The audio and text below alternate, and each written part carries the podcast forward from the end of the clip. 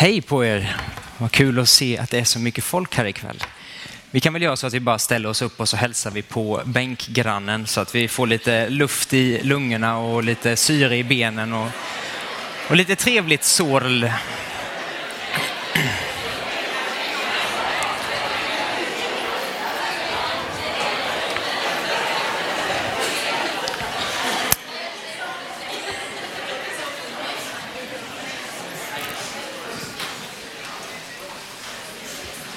För er som inte känner mig så heter jag Kristoffer Arvidsdal och jag jobbar här i församlingen med ett arbete om de, eller för de unga vuxna.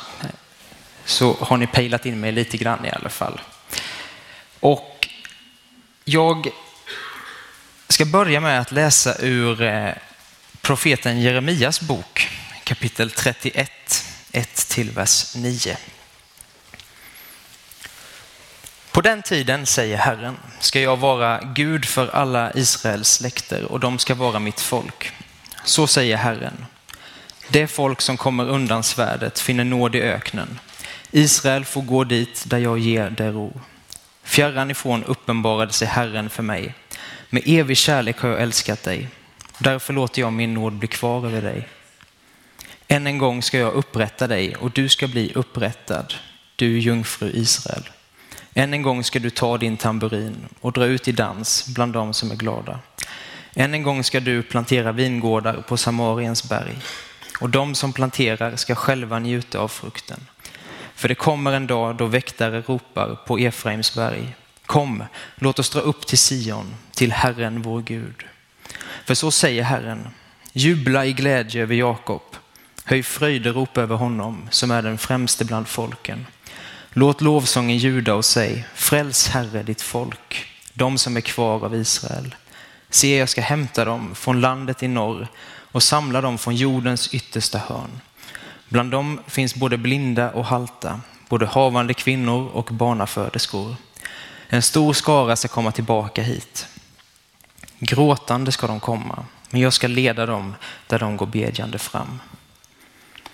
Vi ber tillsammans.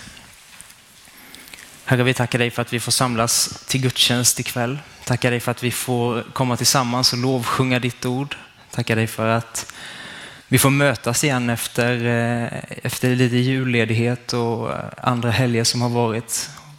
Och vi ber att du ska vara med den här gudstjänsten, Herre, och vi ber att du ska leda mig genom den här predikan. Låt mig få tala ditt ord, Herre, och vi ber att du ska öppna våra hjärtan för vad du vill säga till oss, Herre. Vad du vill påminna oss om och vad, vad du vill säga för första gången till oss, Herre. I ditt heliga namn ber vi. Amen. Jeremia, det var en profet för det israeliska folket under den sista delen av 600-talet och början på 500-talet före Kristus. Och hans uppdrag var allt annat än enkelt. För han skulle predika dom och omvändelse för det israeliska folket som hade vänt sig bort ifrån Gud. Och hela händelsen har eskalerat under de senaste år, århundraden. För Israels folk har både haft bra och dåliga kungar. Alltså kungar som lyder Gud och de som inte gör det. Mönstret är samma även om kungarna byts ut med jämna mellanrum. För när det går dåligt för folket, det är missväxt i landet och liknande, så är alla väldigt angelägna om att nu måste vi verkligen be. Och vi måste vända oss till Gud och vi uttrycker vårt behov av honom. Men när det sen går bättre så glömmer folket ganska snabbt att Herren har hjälpt dem, både nu och tidigare. Och till följd av de dåliga kungarnas order och beslut så börjar Herrens folk att tillbe andra gudar och lyfta in annan kultur i sin tillbedjan. Det går till och med så långt att de börjar offra barn som andra omkringliggande folk gör för att vinna sin Guds uppmärksamhet. Och det här det gäller inte bara folket som vänder sig från Gud utan även prästerna, de som är satta att övervaka det judiska folket och leda dem de misslyckas också för de skor sig på de fattiga och de utnyttjar de utsatta människorna. De utnyttjar situationen för sin fördel. Herrens folk har gång på gång misslyckats med att följa och hålla fast vid det förbund som Gud slöt med Abraham en gång för länge sedan. Och som Gud därefter enbart har hållit fast vid. Det är människorna som har misslyckats med att hålla sin del av avtalet. Och Jeremia är inte den enda profeten som har till uppgift att profetera om den överhängande dom som väntar folket för deras misslyckanden efter att, med att följa Guds vilja. Och konsekvensen för Israels folk var att deras land blev attackerat och sen ockuperat av det babyloniska riket som förde bort många av det judiska folket i exil till Babylon. Alltså en, en landsförvisning. Otippat nog så kallas det här för den babyloniska exilen. Den varade från 587 till 538 f.Kr. Så har ni fått med det också ifall ni antecknade. Den text jag inledde med att läsa är Herrens ord genom profeten Jeremia. Och den handlar om den upprättelse som Gud lovar att ge sitt folk. Och det här profeterar Jeremia under exilen. Alltså när folket är bortförda. Mitt i all bedrövelse, sorg, död och slaveri så profeterar Jeremia hopp.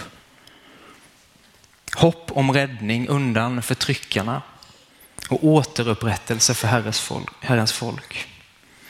Om hur folket får komma tillbaka till sitt land och till Gud trots sina synder och sina missgärningar.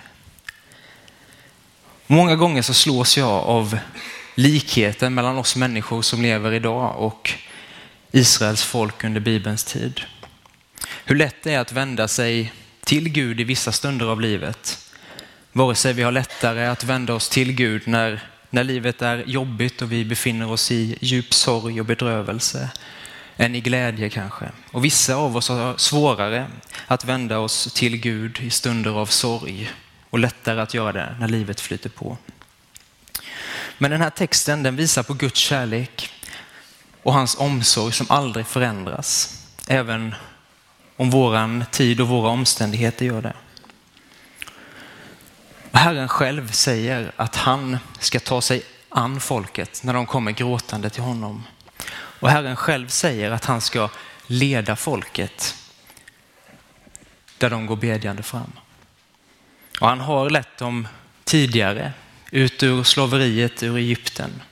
Han gjorde en väg genom Röda havet och ledde dem till sitt land. Och han ska göra det än en gång lovar han dem här. Och det här med att vi ska gå bedjande fram, det handlar inte främst om att vi ska be om en, en ny cykel eller en storvinst på Triss, utan det handlar om att vi ska ödmjuka oss inför Herren vår Gud. Och gråten den symboliserar just detta. Det ödmjuka hjärtats insikt om behovet av Gud men också insikt, insikten om vår synd. Först och främst synden mot Gud, men också den vi har gjort mot våra medmänniskor. Och Det här är någonting som gäller alla, var och en. Både de som säger att de är troende och de som inte är bekännande kristna. Alla behöver vi ödmjuka oss i bön och vända oss om från vår synd och vår vårt egoistiska liv. Istället så behöver vi vända oss till Gud. Han som är alltings skapare, alltings upprätthållare och alltings frälsare. Det israeliska folket, de hade misslyckats med att älska Herren av hela sitt hjärta och av hela sitt förstånd. Och dessutom hade de misslyckats med att älska sin nästa som sig själv. Men trots att folket misslyckas gång på gång och fortsätter att falla i synd så får de möjlighet att komma tillbaka till Gud. Herren säger, med evig kärlek har jag älskat dig. Därför låter jag min nåd bli kvar över dig. Gud står evigt fast vid sitt ord. Att den som kommer till honom aldrig ska visas bort. Genom Jesus Kristus är den här frälsningen och upprättelsen tillgängliggjord för var och en av oss. För alla människor, oavsett vad vi har för bakgrund, för etnicitet eller politisk övertygelse. Eller vad som än annars kan tänkas skilja oss från varandra så skiljer det oss inte från Gud. Oavsett vad vi har varit, vad vi har gjort, så får vi möjligheten att vända oss om ifrån vår synd och istället vända oss till Jesus. Han som har tagit straffet som du och jag förtjänade. Straffet för våra skulder och han har friköpt oss från all vår synd. Men också vår skuld och vår skam. Genom tron på Jesus Kristus får vi ta emot detta och bli Guds barn. Och jag vill avsluta med att läsa Jeremia 31, 9 11. Det kommer inte upp på väggen så ni får bara lyssna eller slå upp i era egna biblar. Det står så här. Jag ska föra dem till vattenbäckar på en jämn väg där de inte stapplar. För jag är en far för Israel och Efraim är min förstfödde son. Hör Herrens ord, ni hedna folk, och förkunna dig kustländerna i fjärran. Säg, han som skingrade Israel ska också samla det och bevara det, som en herde bevarar sin jord. För Herren ska befria Jakob och friköpa honom från den som är starkare än han.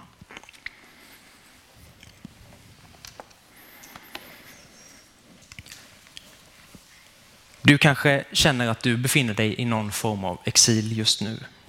Kanske verkar allt vara nattsvart omkring dig och det ser inte ut som att det finns någon väg ut. Kanske är du så uppfylld av glädje att du glömmer bort Gud. Och kanske älskar du inte Gud av hela ditt hjärta utan låter andra delar ta den plats som Gud förtjänar i ditt liv. Som start på den här böneveckan så får vi hjälpa varandra att påminnas om att vända oss tillbaka till Herren med all vår glädje, med all vår sorg, med all vår bedrövelse och med all vår tacksamhet. Och kanske är det för första gången vi gör det. Kanske är det för den hundrade gången eller ännu fler. Oavsett hur ditt liv ser ut och hur du mår så får vi lita på att Herren är densamme igår och idag och i evighet. Och att han som har älskat oss med evig kärlek har frälst oss genom sin dyrbara son, Jesu blod. Herren själv har befriat oss ifrån vår exil och varje morgon är hans nåd ny över oss. Vi kommer ta en stund i lovsång och tillbedjan nu. Det kommer finnas möjlighet att gå bort här och tända ett ljus och jag och Lina kommer sitta här på vi kommer vara fram någonstans och eh, finnas tillgängliga för eh, förbön och samtal om det är någon som önskar det. Och ni får jättegärna be för varandra i, i bänkarna också om det känns mer bekvämt. Vi ber. Vi ska stå upp, säger Lina. Så att vi, vi ställer oss upp.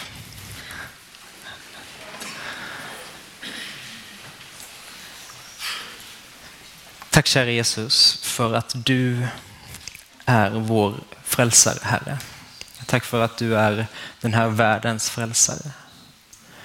Du ser hur eh, det är mycket som stormar ute i, eh, i världen med, med krig och, och flyktingar och miljöförstöringar och allt annat som, som spolas upp på, eh, på nyheterna och på andra sätt som kommer till oss, Herre. Och du ser att det är lätt att tappa hoppet, Herre, om att det, är någon, att det kan bli bra någon gång. Men vi tackar dig, Herre, för att du har lovat att du ska ställa allting till rätta, även om det ser nattsvart ut just nu, Herre.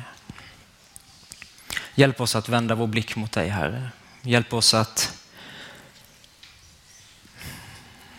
att söka din ledning, Herre. Att vi får eh, präglas av ditt ljus, Herre. Att vi får på något sätt göra skillnad i den här världen. Det kanske inte är de största grejerna vi kan göra eller ska göra, men vi får vara med och göra det lilla vi kan, Herre. Och vi ber Herre att du ska börja med oss. Vi som tillhör kyrkorna här i Bottnaryd och Ryd och de andra kyrkorna som finns här i, i den här omnejden, Herre. Vi ber att du ska tända en eld i våra hjärtan om att, att få älska våra medmänniskor och dig, dig Herre. Mm. I ditt heliga namn får vi be. Amen.